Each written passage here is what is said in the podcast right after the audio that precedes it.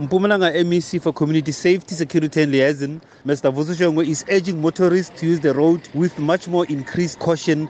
This follows two separate crashes that claimed nine lives on Saturday morning. The MEC is worried about the number of fatal crashes that seems to be on the rise in the province. And the motorists are once again urged to be more cautious on the road to avoid any further loss of life during this festive season and beyond.